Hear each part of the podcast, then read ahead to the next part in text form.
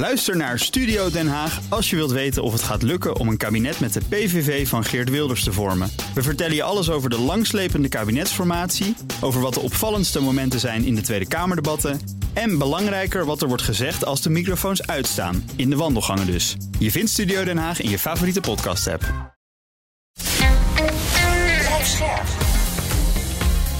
BNR Nieuwsradio. Napleiten. Wouter Laumans en Christian Vlokstra. Er werd niet geregistreerd. En dat was, dat was ook een probleem wat, wat binnen de politiek zelfs gespeeld had. En waar binnen in de politiek gezegd werd van ja, maar oh is, wij vinden het evident dat als jij een instelling bent van een bepaalde omvang, dan vinden wij het logisch, dan gaan wij ervan uit dat die zorg is verleend. Dat gedogen wij. En dat was precies ja, het hete hangijzer hier. Dat de politiek het goed had gekeurd. En dat vervolgens uh, de ISZW op haar beurt zei: ja, maar dat klopt gewoon niet.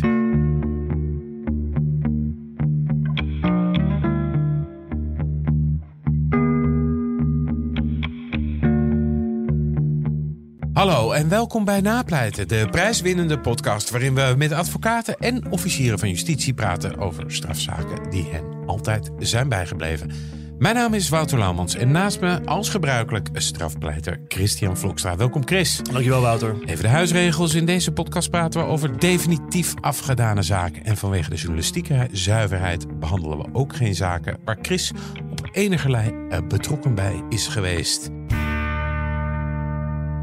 Chris, we hebben hem. Prijswinnend strafpleiter. Ben je? Prijswinnend parooljournalist Wouter Laumans. De Dutch Podcast Award. Dat voelde goed, hè? Het was wel leuk.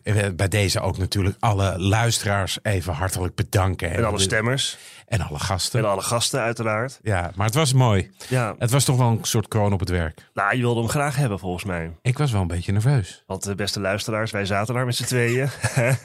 nou, we waren eigenlijk wel wat meer mensen, maar uh, wij zaten naast elkaar. Uh, en die show die duurde iets van anderhalf uur of zo. En de true crime was redelijk aan het einde van, uh, van het hele gebeuren. Nou, Wouter Lauwens is in vijf kwartier, denk ik, uh, ongeveer 286 keer van voren naar achter gegaan met zijn lichaam. Zuchtend en steunend. Ja. Ik had ontzettende dorst. Um, maar daarom was het mooi dat we uiteindelijk de bekroning kregen en hem inderdaad wonnen. Ja, het was een mooi feestje. Ja. Uh, de zaak van vandaag. We gaan gewoon weer over tot de orde van de dag. Zeker. heb jij wel eens een fraudezaak bij de hand gehad? Ja, zeker. Ik heb meerdere, meerdere fraudezaken bij de hand gehad. Ofthans, kijk, uh, fraudezaken, het zijn nog vaak zaken die gedaan worden door bijzondere opsporingsdiensten. Hè, dus bijvoorbeeld okay. door, door de FIOD. Uh, of uh, zoals in dit geval, de inspectie. nou, moet ik even snel kijken. Nou, de inspectie, we gaan zo praten over welke inspectie. Ja. Um, en wat daaruit opvalt, wat mij daarin altijd opvalt. Kijk, ik doe natuurlijk heel veel reguliere strafzaken. Met, met, dossiers die in elkaar gezet zijn. Hè, door, door gewoon normale politiemensen, reguliere recherche. Um, en dit zijn die bijzondere oorsprongsdiensten en die maken toch op een andere manier hun dossiers. Um, en uh, je hoort advocaten ook al vaak onderling zeggen: God, ja, het zit er toch weer verdomd goed in elkaar. Oh ja, ja, ja dat zijn vaak hele goede dossiers. Ja. En moet je dan ook een beetje kunnen rekenen? Zit jij dan met de zakjepannen alle cijfertjes door te akkeren nee, in zo'n dossier? Dat, dat, dat, valt wel mee, want uiteindelijk gaat het natuurlijk gewoon uiteindelijk toch om de juridische normen die al dan niet zijn, uh, ja. zijn overtreden. Maar uh, in die dossiers, dat weet jij ook, in die grote dossiers zitten vaak uh, relaasverbalen in het begin. Een soort van een samenvattingsverbalen van wat is er eigenlijk allemaal bevonden.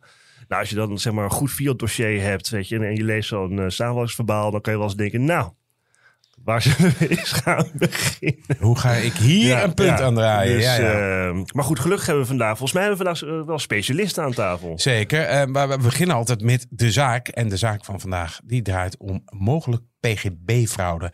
De inspectie Sociale Zaken en Werkgelegenheid doet eind juni 2014 een inval bij meerdere zorgcentra door heel Nederland. Volgens de inspectie is er mogelijk fraude gepleegd met persoonsgebonden budgetten. Bij het onderzoek is ook het Openbaar Ministerie betrokken. Er worden acht invallen gedaan. De verdenking is dat medewerkers van de zorginstellingen een criminele organisatie hebben gevormd die op omvangrijke schaal fraude pleegde met persoonsgebonden budgetten. In totaal zou het gaan om ruim 4 miljoen euro. We hebben vandaag twee gasten en dat zijn Arjan de Haan en Jaap-Willem Rozemond van het gelijknamige kantoor in Utrecht. Welkom heren. Dankjewel. Dankjewel. Eh, jullie kantoor is gespecialiseerd in fraude. Hè? Dat las ik op de site. Dat is, dat, eh, is dat nou wat, wat Chris zegt? Moet je daar, is dat een aparte tak van sport? Ja, dat durf ik wel te zeggen. Het verschilt vooral met een, een reguliere strafzaak dat het ehm, anders denk ik dan in andere gevallen vaak niet gaat over de doorsnee winkeldiefstal, de moord. Nou ja, goed, zo doorsnee is dat misschien niet. De doodslag, de mishandeling. Maar het gaat vaak over bijzondere artikelen in het strafrecht. Ehm, die voor de gemiddelde Nederlander misschien wel voor zich spreken, een fraude. Maar als je er echt kritisch naar kijkt, dat dat lang niet zo zwart-wit is als dat het daadwerkelijk ook gepresenteerd wordt en daadwerkelijk op de zitting behandeld wordt. Ja, Willem, heb jij, is, dat, is dat ook jouw gevoel eh, erbij? Ja, dat is ook mijn eh, gevoel erbij. Ook al eh, doen we wel moordzaken, doodslagzaken en al het eh, voorkomende in het, eh, in het strafrecht. Maar eh, ik kan me helemaal aansluiten bij Arjan. Hoe kwam deze zaak eh, eh, bij jullie terecht, eh, Jaap Willem? We hadden een succes behaald in een andere zorgfraudezaak. En diegene heeft ons aanbevolen bij deze club toen de inval was, was geweest. Ze hadden eerst een andere advocaat. Maar toen zeiden ze van nou, volgens mij zijn die jongens beter in staat om de zaak te doen dan die andere advocaat. En zo is die zaak bij ons terechtgekomen. En Arjan, wat, wat, wat, wat, was zo de eerste, wat waren zo de eerste dingen die jullie, de eerste beelden die je er nog van bijstaan, zeg maar? Van die zaak. Deze zaak bedoel je dan? Ja. Nou, vooral de impact die het heeft op de mensen. Je spreekt, ehm, je, wat je eigenlijk in zo'n zaak heel gauw doet, en dat is denk ik wat ongebruikelijker dan een andere zaak. Je gaat gewoon op locatie. Je gaat Oh ja. kijken van jongens, wat doen jullie nou? Waar ben je mee bezig? En je ziet mensen die met hart en ziel werken, ehm, die daar gewoon echt een organisatie hebben opgezet waarvan je denkt van nou, puikwerk. Dat is echt wel, daar moet je goed over nagedacht hebben. En vervolgens kom je met elkaar in gesprek over wat ze overkomt. Er ligt een bankbeslag, er worden invallen gedaan in woningen. Ja, die impact die is voor die mensen ontzettend groot. Ja, want eh, eh, ja, Willem, wat voor mensen waren het?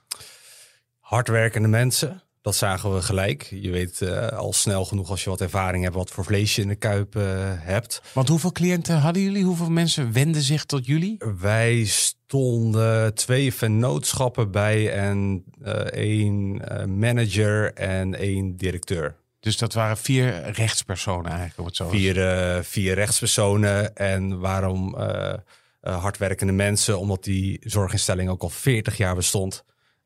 Nooit een veldje aan de lucht. Dus wij hadden zoiets van, wat is hier gebeurd? Maar misschien mag ik even vragen hoor. Want, wat, eh, hè, want kijk, ik, heb, ik weet wel ongeveer hoe PGB eh eh, er een beetje uitzien. Maar mag ik jullie vragen, wat was, wat was er feitelijk aan de hand? Of Ja, en een- daarvoor wil ik eigenlijk weten... Arjan, wat is voor de mensen die het niet weten... Hè, want eigenlijk moet PGB, wat is Ja, dat eigenlijk? Belletje. Ja. Zit jij nou een belletje te drukken? Hij drukt gewoon. Arjan, wat is, wat is PGB? Nou, het is eigenlijk heel kort gezegd, een beetje ongenuanceerd gezegd ook, een zak met geld die je van de overheid krijgt en waarvan ze zeggen van, joh, jij bent zorgbehoevend, dat hebben we vastgesteld. En dan wil je zelf beslissen hoe je dat geld wil uitgeven. Dat vinden we goed, mits het maar aan zorg is. En dan kom je dus bij een zorginstelling of zoiets terecht, eh ja Willem. Ja, correct. Dan kom je bij de zorginstelling eh, terecht. Zeker eh, de zwaardere geïndiceerde eh, patiënten, zogezegd. En die eh, zeggen van, nou, eh, kun je mij zorg eh, verlenen? Ik heb een zak geld. En dan is er een intake. En dan welkom of niet welkom. Ja, en dit bedrijf, dat deze bedrijven, die stonden, bestonden al eh, vele jaren. Maar dat waren ook volgens mij christelijke bedrijven. Was dat nog een aparte, iets aparts of maakte dat niet uit? Dat maakte voor de invulling van de zorg wel uit. Maar daar is de discussie uiteindelijk niet over gegaan. Nee. Maar eventjes voor mijn begrip, hè, want ik, eh, eh, je hebt dus mensen die zijn zorgbehoevend, die hebben zorg nodig thuis.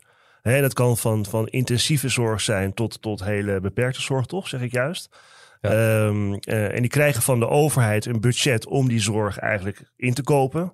En die kopen ze dan in in de markt eigenlijk die er is met allemaal zorgbureaus en zorgcentra en zorginstellingen die die zorg bieden, toch? Ja, en deze zorginstelling die eh, bood eh, identiteitsgebonden eh, zorg aan. Dus christelijke zorg, zo gezegd.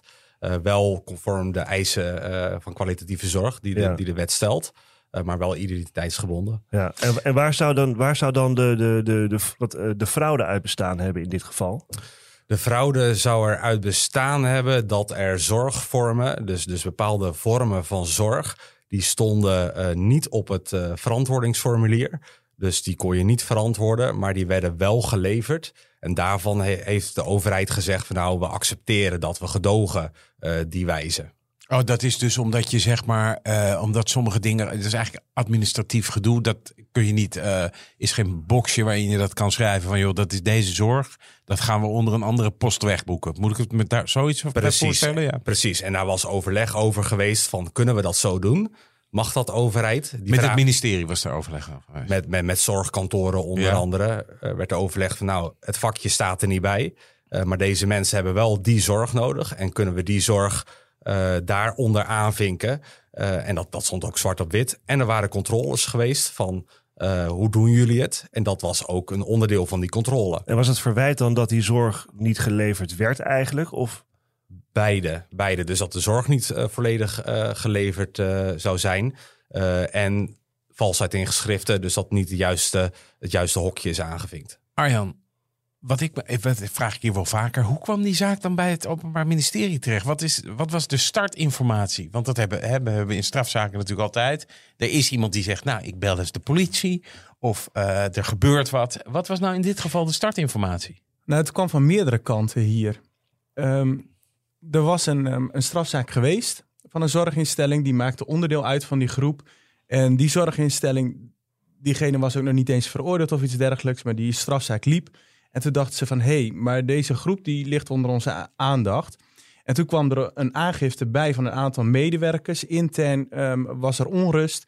Waren de medewerkers die dachten, hier wordt echt ontzettend veel geld eh, verdiend. En niet op de goede manier. Die deden een aangifte. En het was in een periode, en ik denk dat dat ook echt wel een rol speelt, dat er heel veel discussie was over we moeten voorkomen dat dat zorggeld verkeerd wordt uitgegeven. Dus ze zaten er bovenop. Maar er wa- was ook wel een periode, staat mij bij, dat er heel veel van dit soort ja, type eh, zaken waren ook wel, toch? Ja, dat. Maar de aangifte was ook wel atypisch.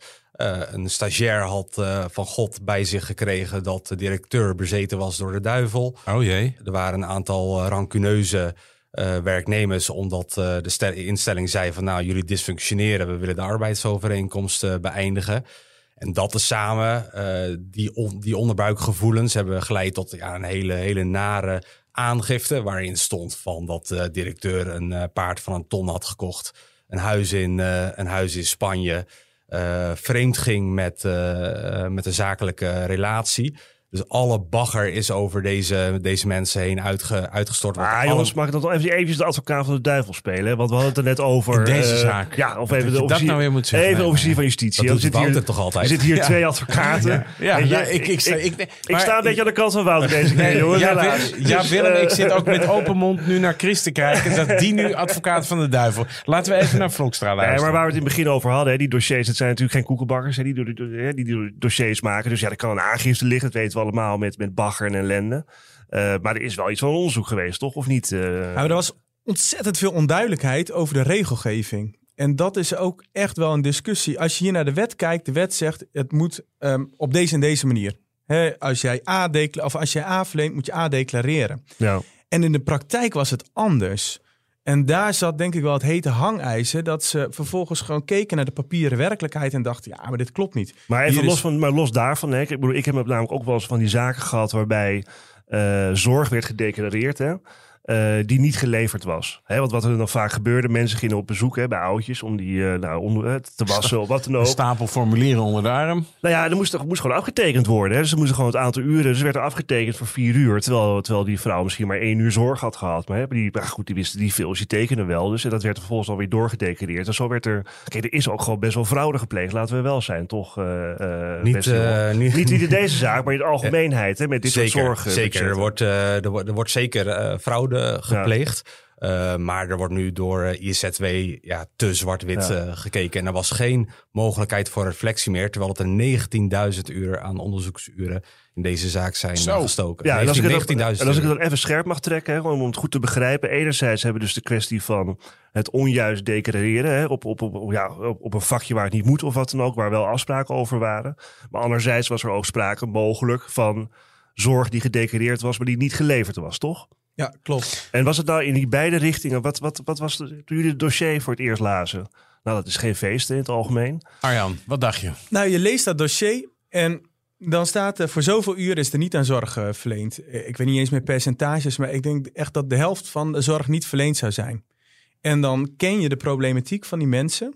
En hoe ken je dat? Omdat je de instelling op een gegeven moment kent. Je weet wat er speelt. Je leest daarover. En dan denk je, dit kan niet. Nou, waar- Zo iemand heeft zoveel zorg nodig. Daar geloof ik niks van. Want het waren volgens mij ex-verslaafden en persoonlijke personen met eh, psychiatrische problematiek, toch? Waar, Ja, met klopt. name waarvoor gezorgd werd. Ja. Oké, en eh, want hoe, hoe gaat zo'n registratie dan? Heb je je daar helemaal in moeten verdiepen? Hoe, hoe die registratie gaat van die uren, van die zorg? Dat was juist het interessante eraan. Want dat gebeurde dus niet. Er werd niet geregistreerd. En dat was, dat was ook een probleem wat, wat binnen de politiek zelfs gespeeld had. En waar binnen in de politiek gezegd werd van ja, maar oh is, wij vinden het evident dat als jij een instelling bent van een bepaalde omvang, dan vinden wij het logisch. Dan gaan wij ervan uit dat die zorg is verleend. Dat gedogen wij. En dat was precies, ja, het hete hangijzer hier. Dat de politiek het goed had gekeurd. En dat vervolgens eh, de ISZW op haar beurt zei: ja, maar het klopt gewoon niet. De ISZW, help me nog even. Wat is Inspectie Sociale Zaken en? Werkgelegenheden. Ja, die, die hebben, die hebben we al eerder hier gehad, maar... En misschien, is, misschien is goed om aan te vullen eh, eh, eh, bij Arjan dat deze zorgvragers die verbleven allemaal in de instelling. En dat waren zulke zware patiënten. Als je daar geen zorg aan leverde, ja, dan braken ze de tent af. Dus het was niet zo dat, dat er een zorgverlener met een autootje langs ging bij die mensen thuis. Nee, die mensen hadden continu 24 uur per dag, 7 dagen per week zorg nodig. Want anders ging het dak, eh, het dak eraf. Ja. Wauw. Ehm, je gaat dan neem ik aan ook met die cliënten eh, praten, eh, Jaap Willem. Wat, wat, wat, wat gebeurde er met hun? Wat waren die gesprekken? Arjan zei net al van, nou, dat heeft heel veel impact op hun, op die mensen. Ze zijn eh, gehoord eh, door de recherche en wij vonden de wijze van verhoren heel sturend.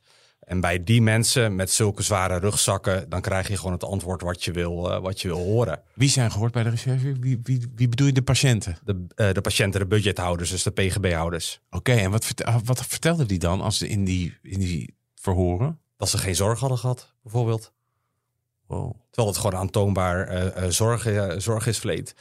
Dus uiteindelijk zagen we ons genoodzaakt, omdat die verhoren zo sturend zijn geweest, om 75, eh, ongeveer 75 eh, mensen te horen, waaronder een ja, groot gedeelte budgethouders. En dat was, ja, dat was een gigaklus. Dat was slopend, ook omdat je... ehm, kijk, je mag natuurlijk bij een rechtercommissaris niet te sturend zijn. Je moet de vragen openstellen, maar die mensen met die problematiek, ja, dat vergt een hele eigen, eigen aanpak. Nou, wat staat jou er nog van bij, Arjan? Wat mij bijstaat van die verhoren. Ja. Och, jongens. Dat, hoe je de vraag stelde, dat kon een wereld van verschil zijn. Als ik aan iemand vroeg, is er, heb jij vandaag zorg gehad? Nee, hadden ze niet gekregen. Als ik vroeg, heb jij vandaag die en die medewerker gezien? Heeft hij jou gewekt? Heeft hij jou geholpen om eh, op, op de plek te komen? Eh, ben je ondersteund bij het werken? Waren de medewerkers aanwezig? Hoe je de vraag stelde, was een wereld van ja. verschil. Ja, absoluut. Ja. Maar, even, maar even voor mijn begrip weer even, jongens. Want ik, ik denk dat het ook voor de luisteraar wel goed is om te snappen waarom dit van belang is. Want eh, die mensen met die budgetten, hè, die, zijn, die zijn gehoord en die zeiden... nou, hè, we hebben wel allemaal geld uitgegeven aan zorg. Hè, maar dat hebben we eigenlijk nooit gekregen. Jullie zeggen, ja, maar die mensen zijn hè, met hun problematiek... die zijn eigenlijk in die verhoren ja, eh, daartoe eh, gebracht eigenlijk... om dat te beweren, terwijl dat aantoonbaar niet zo was. Zeggen jullie, hè? Het Aantoonbaar Ja, was die zorg wel geleverd. Nou, ik kan ook wel een voorbeeld Maar geven. ja, dat was mijn vraag. Hoe konden jullie cliënten aantonen van hey, wat hier gezegd Want het waren, kijk, het zijn wel 75 mensen, om het zo maar te zeggen. Eh, eh, eh, hè, wij kunnen wel bewijzen dat die zorg geleverd is. Arjan, voorbeeld. Nou, één voorbeeld was dat wij het gewoon aan konden tonen door middel van het aantal FTE. Wat die instelling over beschikte. Dan Ja. je gewoon eh, met elkaar vergelijken. En het verwijt wat de rechtbank op een gegeven moment ook wel eh, in de uitspraak maakte aan het Openbaar Ministerie, is dat ze zeiden: je hebt een veel te enge interpretatie aangehouden van het begrip zorg. Dus er werd aan een cliënt werd gevraagd: nou, dit houdt begeleiding individueel in, een bepaalde productcode. En daar valt dan onder ehm, eh, een bepaalde omschrijving. Terwijl als ik die omschrijving niet geef, maar gewoon vraag: wat heb je door de dag gedaan?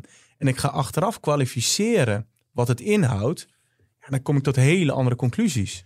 Eh, ja, Willem, gingen jullie ook al die, die, die verhoren, hebben jullie die weer ge- geverbaliseerd zelf? Of gebeurt dat dan automatisch? Hoe, hoe moet ik me dat voorstellen? Want ik krijg zo'n idee. Ja, het is bijna, ik kijk misschien te veel eh, Netflix. Maar dat je dat dan met zo'n team allemaal weer zit te verwerken in, in een soort panklaar dossier. Of hoe, hoe, wat moet ik me daarbij voorstellen? Nee, hoe dat eh, gebeurt. Je hebt een onderzoeksrechter, die noemen we de rechtercommissaris. Ja. En eh, die wordt geholpen door een griffier. Dat is eigenlijk een medewerker van... van- ja, van En die doet het tikwerk. die doet het tikwerk. Ja. Maar je moet ondertussen wel meeschrijven met zo'n met zo'n verhoor.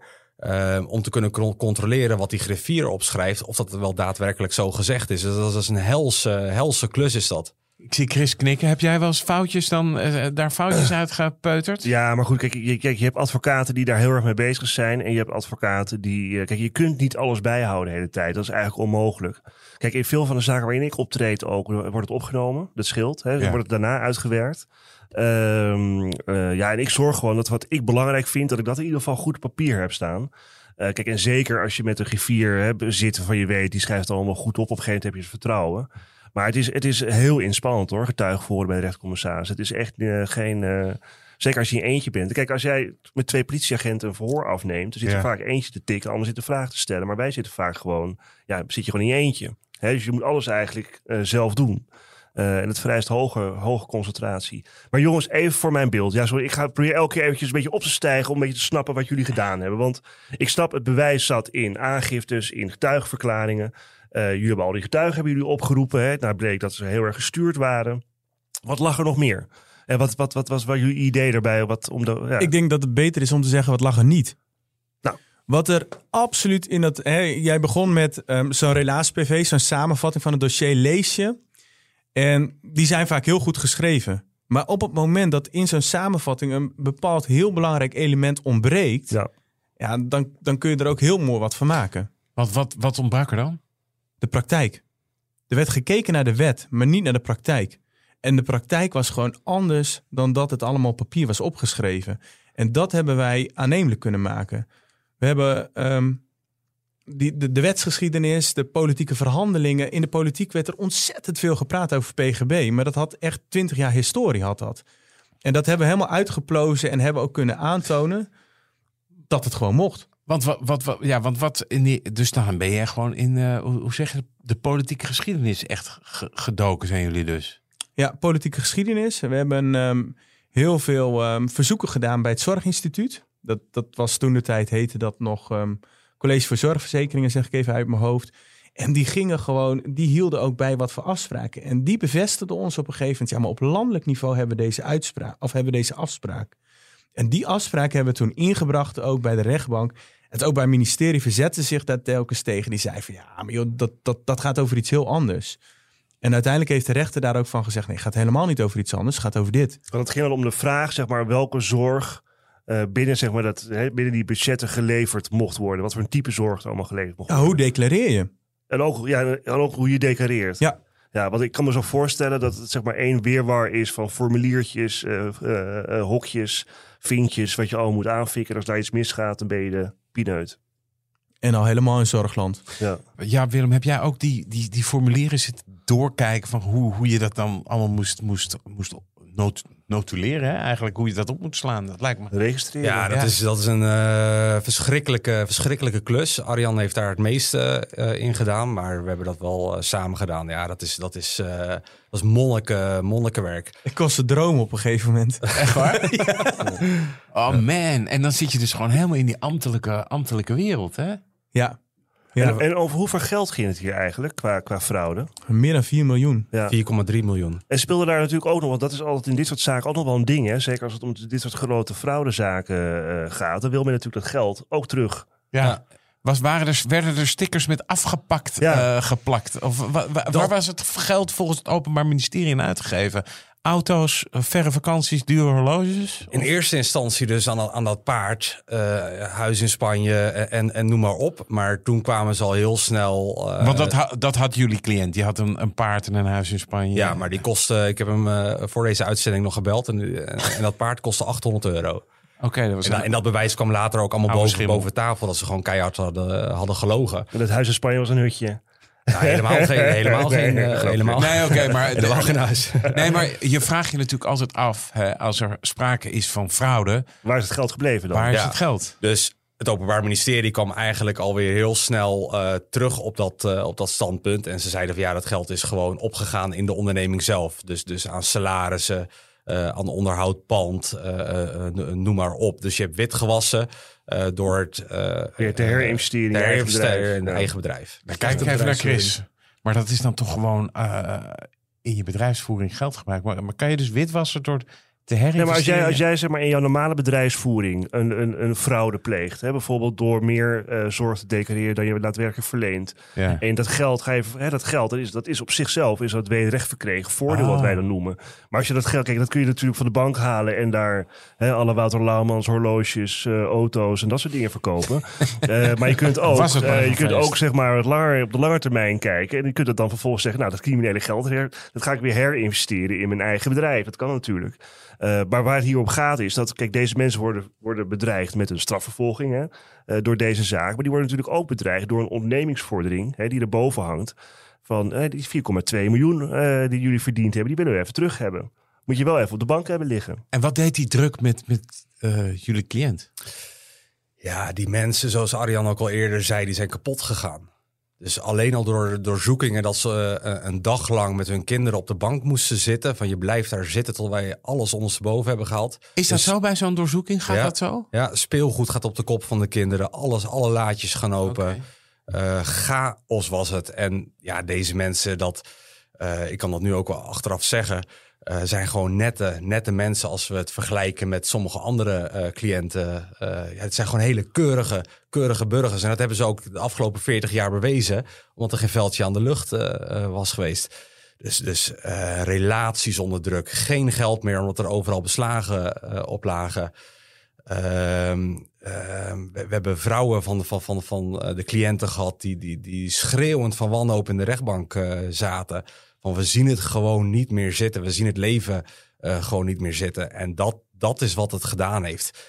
En dat, dat hebben wij van het begin af aan bij die zaak meegemaakt. En dat trokken wij ons als advocaten ook wel erg aan van... jongens, wat is hier gebeurd? Ja, Arjan, is het... Hè, want ik bedoel, als advocaat, je ziet een boel leed, je ziet een boel ellende. Want ja, daar kan je, daar, ja, dat hoort nou eenmaal bij het vak. Maar was deze zaak dan daarin toch uitzonderlijker voor jou? Ja, absoluut. Ook vanwege de lange tijdsduur.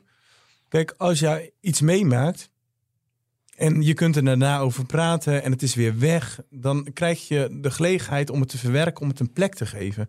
En hier is het in 2000, kijk ondertussen naar ja Willem. 2014 is het allemaal begonnen. 2014 begonnen en vorig jaar geloof ik dat het Hof uitspraak deed. Dan heb je het over zeven jaar. Ja, dat is je ziet mensen aan het begin heel strijdlustig. En je ziet op een gegeven moment, je ziet, ze worden mur. Ja. Ze zijn gewoon lam geslagen. It runs you down, hè, zeggen ze dan. De, de, de, de, de raderen van justitie draaien gestaag. Ja, kijk, dat is natuurlijk het vervelende, vervelende, of ja, het vervelende van dit soort zaken. Is, kijk, in, in, in reguliere, ernstige strafzaken zitten mensen vaak vast uh, zitten gedetineerd. En dat uh, zorgt ervoor dat zeg maar, de gang van het onderzoek sneller gaat. Omdat het, er is een belang van, joh, er zit wel iemand vast. Die kunnen mensen niet eindeloos vasthouden. Dus nee. hè, die zaak moet verder doorgaan.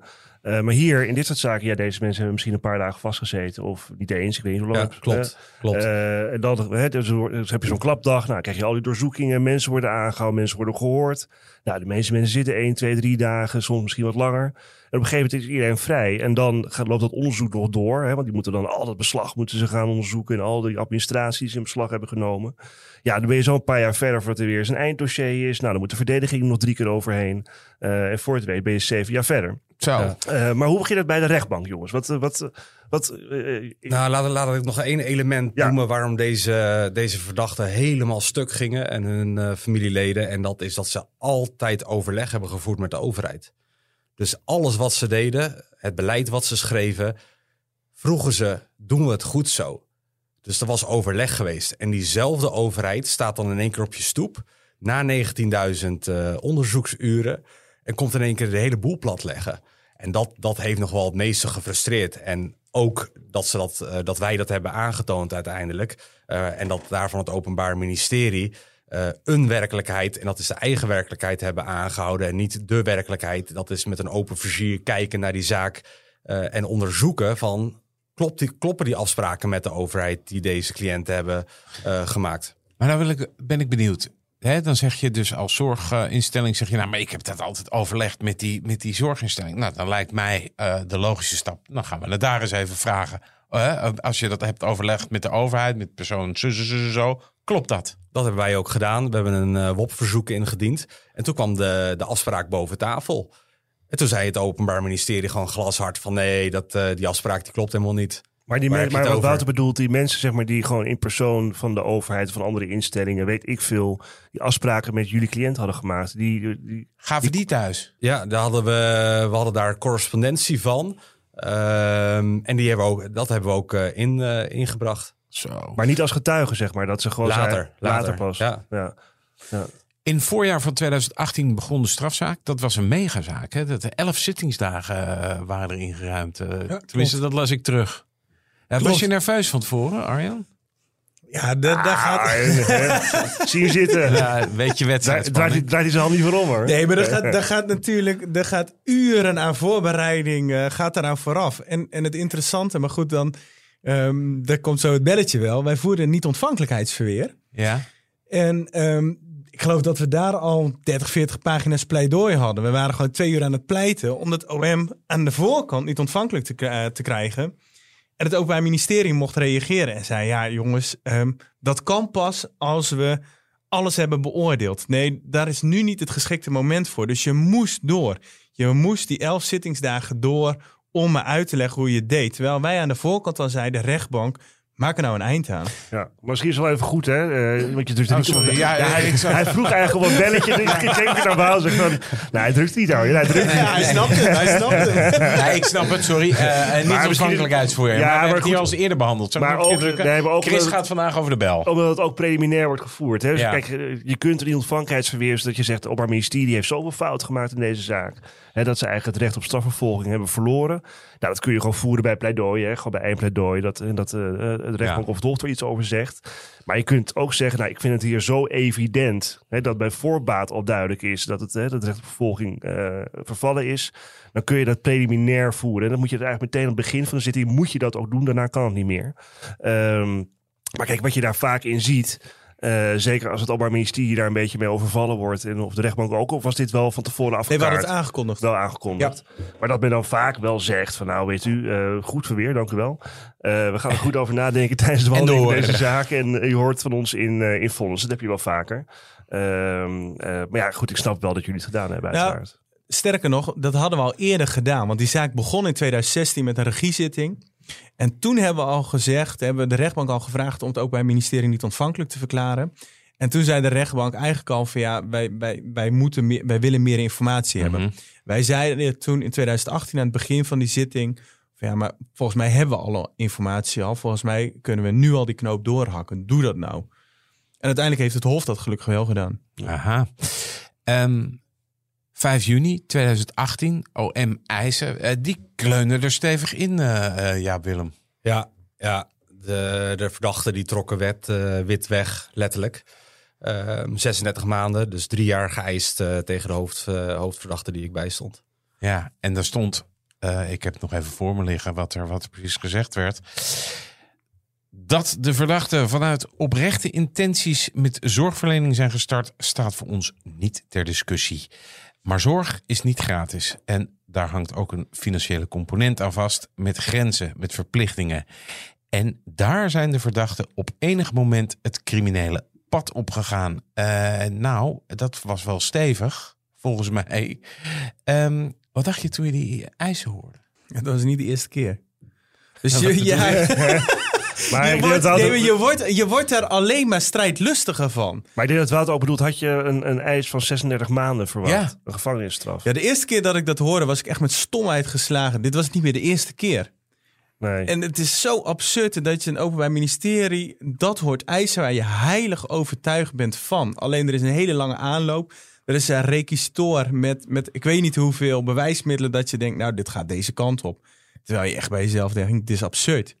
Hoe reageerden jullie cliënt, ja, Willem? Ehm, volgens mij barstte, barstte de directeur in tranen uit. Eerst eh, trok die wit weg. En eh, toen was die, er kwam geen woord meer uit. En volgens mij begon hij te, te trillen naast me. En toen kwamen volgens mij de tranen, als ik me goed herinner. Jeetje. En wat doe je dan eigenlijk in zo'n geval? Weet je over de- Nou, Arjan, Arjan zei dat die strijd lustiger werd, maar ik, ik was daar wel aardig van onder de indruk. Dat raakte me toch wel. En ook met de hele geschiedenis die we al hadden gehad. Ik moest toch even, even slikken toen ik zo'n grote man eh, naast me zag bibberen. Ja, maar eh, hoe, wat doe je dan om, om zo'n cliënt te troosten? Dat doe je even een, een, een klap op zijn schouder of neem een glaasje water? Ja, Jan Willem, hoe doe je dat? Ja. Volgens, mij heb ik hem, volgens mij heb ik hem in zijn arm eh, Hoe doe jij dat? geknepen. Nee, maar hoe doe jij dat dan, Chris, met je grote mond? hangt toch een beetje van je cliënt af, weet je. Ik bedoel, kijk, in principe ben ik, ik ga niet met cliënten zitten knuffelen, maar als, ik bedoel, dan- ja, sommige mensen die troost je wel, andere mensen niet, weet je. Het hangt ook een beetje... Eh, gaat van vanzelf. ja, het gaat vanzelf. Ja. Kijk, en zeker, kijk, ze hebben natuurlijk, eh, hoe lang zijn jullie met deze mensen in de ronde gegaan? Dan heb je een bepaalde relatie met elkaar, hè? Jaren. Als je, als je Ja. zo vaak met elkaar Je doet bezig geweest. verwachtingenmanagement. Dus, Dus- je, je zegt ook wel, jongens, dit kan er komen. Hadden jullie dat in deze maar 36 maanden, hadden jullie dat in het verwachtingsmanagement ingebouwd? Nee, Ja, maar we hadden geen fraudebedrag- kratje bier opgezet. Ja, ja. Nee. Nee, maar goed, kijk, als je natuurlijk het OM-perspectief hebt en je zegt een fraudebedrag van de, tegen de 4 miljoen, ja, dan, dan zijn dit op zich wel straffen die geëist Ja, kunnen klopt. worden, toch? Ja, Ja, maar wij waren altijd nog wel een beetje naïef, denk ik, in, in de zaak. Dat we dachten van, ja, maar je ziet toch dat we gelijk hebben. En, en je, je preekt natuurlijk altijd voor eigen parochie. Ja. Maar hier, hier preekten we eh, wel voor, voor het gelijk. En, en we, hadden, we hadden dit gewoon niet verwacht, om, omdat je gewoon zag dat zwart op wit afspraken met de overheid waren Ja. gemaakt. Dus, dus daarom konden we dit gewoon niet geloven. En waren die afspraken die met die overheid, je had het er net ook al over, waren dat, vormde dat dus ook de kern van, van jullie verweer? Min of meer wel, ja. Daar, daar is het wel, eh, dat is wel doorslaggevend eh, geweest. Wat vond de rechtbank ervan? Ja, die maakten er wel korte metten mee. Al hadden ze er wel heel wat pagina's vonnis voor nodig. Maar ze, ze gaven echt wel... De Telegraaf kopte met eh OF, een fikse ORV voor het OM. Oh, die oh, met, met, eh, met, eh, Ja. oké, sorry. Onge- excuus. ongekende oorwassing voor het Openbaar Ministerie. Maar dat was ook ingegeven door die 19.000 uur. En volgens mij is het de grootste zaak geweest in onderzoek de- tot, tot nu toe zelfs. Want de rechtbank heeft die hele zaak van tafel geveegd. Ja. Ja, iedereen was vrijgesproken. Iedereen vrijgesproken. Onvoldoende onderzoek gedaan, onvoldoende onderbouwen, beschuldigingen, bewijs ontbrak. Dat waren volgens mij de drie, de drie kernpunten van het, eh, van het, eh, van het vonnis. Dat was echt wel heel Nou, en, stevig. en een heel stevig verwijt aan het Openbaar Ministerie... dat zij, ondanks dat wij het meerdere malen hebben aangekaart... niet die gedoogconstructie hebben onderzocht. Nee. nee. Kijk, een vrijspraak is één, maar dat je als OM ook het verwijt krijgt: dit heb je niet goed gedaan, dit had je moeten onderzoeken. Ja. Nee, zowel in de werkwijze als in de gepresenteerde eh, bewijsconstructie was het eigenlijk eh, aan alle kanten mis. Ja, de, de rechtbank die zei eigenlijk van eh, Openbaar Ministerie... elke vorm van rechtsstatelijkheid ontbreekt in, deze, in deze zaak... hoe jullie dit hebben aangepakt. Ja. Wat deed het OM, Arjan? Het weten? Nou, ik weet het eigenlijk al. Het is eigenlijk gewoon open Ik deur. heb er geen timer op gehouden, maar, Nee, maar je dat moet was geen- een ik- heel snel appelletje. Heel snel, ja. Ja. Maar verba- ze gingen in beroep en verbaasden jullie dat? ja. Wij hadden echt oprecht gehoopt, hier is het eindelijk afgelopen. Was er contact met het OM? Weet je, eh, hè, want het is natuurlijk de- aan, aan het OM. We vragen, het is een beetje. eh, heb je enig idee waarom ze in eh, beroep ging? Ze stonden aardig beteuterd eh, eh, op zitting na die, na die uitspraken. Toen ben ik, als ik me goed herinner, naar hen toegelopen. En ik heb gezegd van, nou, kunnen de beslagen er deze week af? Want, want de, financiële, de fi- financiële druk die is, die is gigantisch. Ja, ik moet, Dus iedereen- erg lachen hier. Dus iedereen, iedereen was nog aan het omhelzen. En, en, en natuurlijk na die vrije spraak was er ge- enorm gejuich vanaf de publieke tri- tribune die afgeladen vol zat. Maar ja, ik dacht van laat ik dat nou maar gelijk regelen. Want als ik thuis kom heb ik anders eh, de, de cliënten weer aan de, aan de telefoon. Waarom zit je zo te lachen, Chris? Ja, omdat het natuurlijk ook wel een beetje... Ja, ik weet niet, ja, Willem zal het misschien niet zo bedoeld hebben. Of misschien ook wel, weet ik eigenlijk niet. Vlerkerig? Is het vlerkerig? Ja, het, is, het, het is, het is natuurlijk wel een beetje vlerkerig. Want kijk, het is... eh, eh, Nee, nee, nee, nee, nee, absoluut Nee, niet. want wij waren meermalen naar ze toe gelopen en gezegd: jongens, dit gaat niet de goede kant op. We moeten praten. Nee, dat en dat ik. wilden dat ze snap niet. Ik, snap ik. Dus- Maar, maar als je in de zaal, zeg maar, na het uitspreken van het vonnis meteen... Kijk, dat je eh, diezelfde middag nog even een mailtje stuurt van... hey, we hebben allemaal het vonnis gehoord. Eh, kunnen de beslagen geregeld worden? Of dat je er meteen naartoe loopt en zegt... hey, kan je die beslagen regelen? Nou goed, ja, weet je. Eh, ja, ik vind het, ja, Nee, ik vind, het niet wel- zo ik gek eigenlijk. Nee, ik maar ook niet. Ik vind, het, wel, ik vind het wel mooi. Ik vind het wel mooi. Het is heel erg direct eigenlijk. Maar het is net zoals zeg maar, als jouw cliënt vrij is. En hij wordt, bij vonnis wordt hij veroordeelde gevangenisstraf. eh, en hij moet meteen een voorlopige hechtenis in. Weet je, het is ook zo meteen... eh, Ja, is eh, vlekkerig van het OM, ja, wou je vlekkerig. Nou, Eh, dat het vind ik is ook heel niet. erg, het is heel erg direct. Nee, maar, het is, nee, maar ik vind het mooi. Ik is, begrijp het goed, begrijp het goed. het vonnis is er en eh, ga met die banaan, zou ik zeggen. Maar wat je wel vaak hebt natuurlijk, hè, is dat je natuurlijk, je hebt natuurlijk dat OM-team eerste aanleg die die zaak draait, die gelooft in die zaak, komt die strafeis, teleurstelling, hup, naar de centrale balie rennen, appel instellen. En dan komt zo'n zaak natuurlijk vervolgens bij het resourcepakket, hè, bij een advocaat-generaal. Ja, de centrale balie van de rechtbank, dat is zeg maar gewoon de administratiebalie waar je je appel kan instellen. Dan ga je heen. Hoe doe je dat dan? Of lever je een formulier in? Eh, nou nee, dan ga, je, daar- dan ga je daar staan. Zeg je, nou, ik ben advocaat, laat je advocatenpas zien. Nou, dan zeg je, ik wil graag appel instellen in die zaak met dat pakketnummer, die, die datum. En dan wordt er een akte opgemaakt, zo noemen ze dat. En die moet je ondertekenen, die ondertekent eh, de medewerker ook. En daarmee gaat er een stempel op en daarmee is er dan eh hoger beroep Mhm. ingesteld. Oké. Eh, ehm, eh, maar je, je kunt natuurlijk als, als advocaat-generaal of resourcepakket een hoger beroep... Hè, die zaak zien, het vonnis zien, jullie verweren zien hè, en, en denken, nou, moeten we dit wel doorzetten? En dan kan je natuurlijk als advocaat kan je daar natuurlijk ook op inspelen. Dat je zegt, hey, laat eens contact zoeken met, hè, een, ander- met de advocaat-generaal van, hey, eh, eh, kunnen we dit niet afronden? Ja. Hoe was dat? Dat hebben we, dat hebben we gedaan. Als ik me goed, eh, goed herinner. En toen eh, kregen we nul op het, eh, op het rakest. En vervolgens kwamen we in hoger beroep bij de regiezitting. En toen dachten we, hè? Er ontbreken hier een paar verdachten. Waar zijn die, eh, waar zijn die gebleven? En toen hoorden we via via dat er een eh, deal door het Openbaar Ministerie was gesloten met, eh, met twee verdachten. Waar, waarvan wij helemaal niets, eh, niets eh, wisten. En het OM heeft, eh, Het front was gebroken. Maar een deal, iedereen was nog vrijgesproken? was vrijgesproken. Eh, desondanks durfde eh, de betreffende eh, stichting en de betreffende eh, manager durfde het niet aan om, eh, ja, laat ik het zeggen, eh, niet schuldig te verklaren in hoger beroep. Dus om een deal te sluiten. Dus eigenlijk hebben ze gezegd van ja, ook al is er vrijgesproken integraal eh, op zo'n enorme eh, wijze, eh, we gaan toch een deal eh, treffen. Wa- Maar wij wa- weten niet wat de deal is geworden. Dat is ook een van de, de discussiepunten geweest. We weten wel wat het aanbod is geweest vanuit ehm, een aantal verdachten. Maar het Hof zei ook, we weet, willen weten wat de deal is. Maar wat was het resultaat van de deal Wacht, dan? wacht Ja. even. Jongens, Oh, we gaan te snel. excuus. Ik grijp even in. Er wordt een deal gesloten.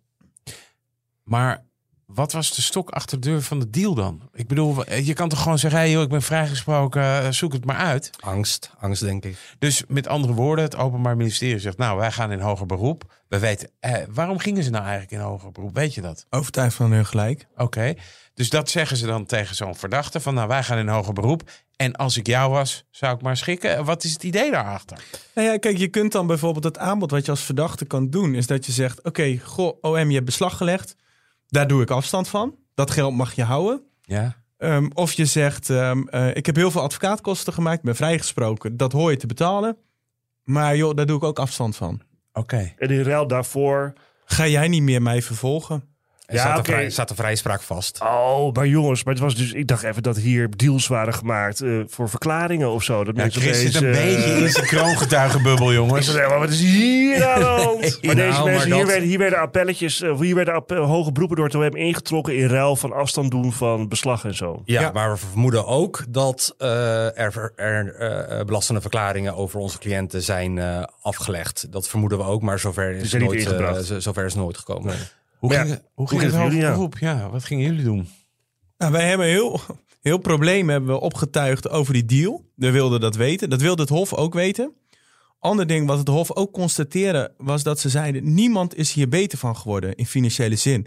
Niemand heeft dat huis in Spanje, niemand heeft dat huis op de Bahama's, niemand heeft een geheime bankrekening. Ja, goed, dan is die niet geheim. Maar het Hof had echt zoiets: wat doen we hier? Ja. En vervolgens eh, zei het Hof van nou goed, ehm, er zijn een aantal onderzoekswensen, die gaan we uitvoeren. En volgend jaar komen we weer op zitting. Dan willen wij weten wat die deal is. We willen weten wat is er afgesproken met de andere verdachtes. Mhm. Daar is geen antwoord op gekomen. En toen hebben wij gezegd op onze beurt, Hof, we hebben het de rechtbank gevraagd. We vragen het u nu opnieuw. Ga die zaak niet inhoudelijk behandelen, maar verklaar het ook bij het ministerie on- niet ontvankelijk. En daar is het Hof in meegegaan. Ja, dat, dat was een enorme opluchting, want er waren weer, ik weet niet hoeveel, echt geen elf zittingsdagen, maar er was weer een geruime tijd ingepland. En het Hof zei, we hebben geen inzicht in de deal. Niemand is er beter geworden. Er is onderzoek gedaan, maar dat wordt op de allerlaatste dag... voordat de inhoudelijke behandeling plaatsvindt... wordt er nog even wat documentatie over de schutting gegooid. Ja, ik zeg maar even normaal Nederlands, dat pikken wij niet. Ja, Dan ja. heb je je recht op strafvervolging verspeeld. En het Hof zei ook van ehm, tenminste dat hebben wij aangevoerd. Eh, wij hebben gezegd van ja, wij zijn niet uitgenodigd om eh, te kijken of we ook een deal kunnen sluiten. Dus het gelijkheidsbeginsel is in die zin eh, geschonden. Het gelijkheidsbeginsel, hè? Dus dat je dat het Openbaar Ministerie, de staat, de, de- hè, moet, het openbaar, moet in gelijke gevallen gelijk handelen. En dat is altijd heel lastig, maar in dit geval is het natuurlijk... Je hoort het in, zaken altijd voorbij komen. Ja, maar veel, zaken, van de klok. maar veel zaken zijn gewoon niet met elkaar te vergelijken, zijn geen gelijke gevallen. Maar ja, als je natuurlijk allemaal verdachten hebt in één en dezelfde zaak, die maar ongeveer dezelfde verdenkingen hebben, ja, dan kan dat natuurlijk anders liggen. Maar alleen, Ja. ik weet niet of het Hof... Heeft het Hof dit meegenomen, schending van het gelijkheidsbeginsel? Ja, ja. dus eh, ja, het is vrij eh, een, unicum, laat ik het zo, eh, Ja. zo Ja, zeggen. daarmee, ik bedoel, het komt geregeld voorbij, maar ik heb het niet Het slaagt zelden, het Ja, slaagt het slaagt zelden, zelden. ja. Dus dat was nu wel zo. Ja, hetzelfde feitencomplex, dus dezelfde, dezelfde verwijten wat eh, Chris ook, ook zegt. Ehm, en het Openbaar Ministerie had natuurlijk het hoge beroep ingetrokken voor die verdachte. Dus dat was onherroepelijk. Ehm, dus wij konden nooit meer een deal sluiten, ehm, omdat de regiezitting al was geweest. Oh. Dus dan, dan, dan kun je niet, dan kan het Openbaar Ministerie het hoge beroep niet meer ja, die- intrekken. Ja, moet je even snappen. Kijk, op het moment, je kunt alleen maar dat hoge beroep intrekken voordat de eerste zitting eigenlijk heeft aangevangen. Ja, ja. En eh, dat was hier Als het eenmaal begonnen is, is het begonnen. Ja, dat was in hun geval was dat het geval. Dus ja, dan, ja, dan kan het wel in overleg met alle partijen is het nog wel mogelijk. Maar het is wel een extra drempel. Dus dat heb ik gezegd. Ja. Ik heb gezegd van ja, dat is onomkeerbaar. Dus, dus we kunnen nooit meer eh, in, in een gelijke situatie terechtkomen. Hey, dat, dat, dat, die eerste aanleg was buitengewoon eh ingrijpend voor jouw eh, Hoe was dat hoger beroep? Was dat net zo ingrijpend? Of dachten we, daar gaan we weer? Ik vond het nog ingrijpender omdat een van de partners eh, inmiddels eh, eh, met een enorme burn-out door deze situatie eh, thuis is komen te zitten. Ze hebben, die manager heeft een eh, gehandicapt eh, kind. Daar kon amper meer voor gezorgd worden door de moeder. Hij, hij moest alle zorgen op zich nemen. Ja, dat ging door merg en been, eh, die reactie van, eh, van die vrouw. Die, die, ja, die, die, eh, de wanhoop schreeuwde ze uit eh, in, in die zitting. Toen dat Hof eigenlijk ook weer gewoon de zaak van tafel veegde. Hè? Was, die- hoe groot was die opluchting bij cliënten toen? Want toen was het klaar, toch? Nee, toen was er nog cassatie. Het Openbaar Ministerie is in cassatie gegaan. Ja, maar ja, goed, als advocaat begrijp je dat, als mens begrijp je dat niet. De advocaat-generaal die zei, ik moet hier gewoon juridisch naar kijken of het Hof het goed gemotiveerd heeft. En ehm, zodra ik daarin een beslissing heb genomen, kom ik daarop terug. En dat heeft nog een half jaar geduurd en toen heeft hij gezegd, ik, ik ga dit niet doorzetten, Ehm, de cassatie trek ik in. Maar dat is dan voor cliënten toch ook wel weer pittig. Hè? Als die al zo'n lijdensweg eh, gehad hebben, dan veegt het Hof iets van tafel. En dan zeg je, nou joh, eh, je dacht dat je er al was, maar de laatste halte is echt nog een half, een halfjaartje verder. Ja, maar het Hof had het echt al goed dichtgetimmerd. Ja? Ja, kijk, dat is Wij waren wel- niet bang voor cassatie. Kijk, laten we wel zijn dat het een goed systeem is. Hè? Ik bedoel, de, de rechten die onze cliënten Ja, maar dan heb je hebben, toch als, in het, als eh, burger eh, in zo'n... In, je, je zal maar aan de andere kant zitten, joh. Nee, zeker. Maar goed, weet je, het Openbaar Ministerie heeft gewoon de mogelijkheid om dit te doen. Alleen je kunt je afvragen, gelet op de inhoud van hè, eh, het vonnis van de rechtbank en het rest van het Hof, waarin natuurlijk gewoon korte metten wordt gemaakt met hun werkwijze. Ja, of het in dat geval nou zo opportun is om als overheid dan nog in cassatie te gaan, inderdaad. Maar goed, dus ze hebben op tijd ingetrokken. Arjan, hoe kijk jij nou terug op deze zaak? Vooral dat de impact van een overheid ongekend kan zijn. En daar probeer ik eigenlijk iedereen op voor te bereiden tegenwoordig. Elke cliënt die ik tegenkom, vooral, ehm, vooral in fraudegevallen, die zijn behoorlijk bleu. Ik bedoel, dan is, eh, ehm, eh, is zitten is geen ondernemersrisico. Want dat calculeer je absoluut niet in. Ehm, daar probeer ik echt zo op voor te bereiden, jongens. Dit wordt een lange race. Dit wordt een marathon. Dit is, niet, ehm, dit is geen kwestie van een paar dagen. Ehm, bereid je maar voor op het ergste. Ja, Willem? Zowel voor eh, de cliënten als voor ons was dit eh, eh, misschien wel een triathlon. Het was eh, enorm veel werk. eh, en we hebben gezien hoe machtig de overheid is als de overheid eh, ja, niet open staat voor, eh, voor de waarheid, eh, maar enkel een waarheid eh, aanhangt. Ja, Willem Rosemond en Arjan de Haan, bedankt voor dit verhaal en jullie komst naar onze studio. Dit was napleiten. Het uh, vonnis en het uh, arrest in deze zaak uh, die zijn na te lezen op rechtspraak.nl. Mijn naam is Wouter Laumans en naast me zit co-host advocaat Christian Vlokstra. Deze podcast is te beluisteren op Apple Podcasts en Spotify. Vergeet u vooral niet te abonneren, dan bent u op de hoogte als er weer een nieuwe aflevering online staat. Verder zijn we te volgen op Twitter en Instagram. Dank voor het luisteren en heel graag tot de volgende keer.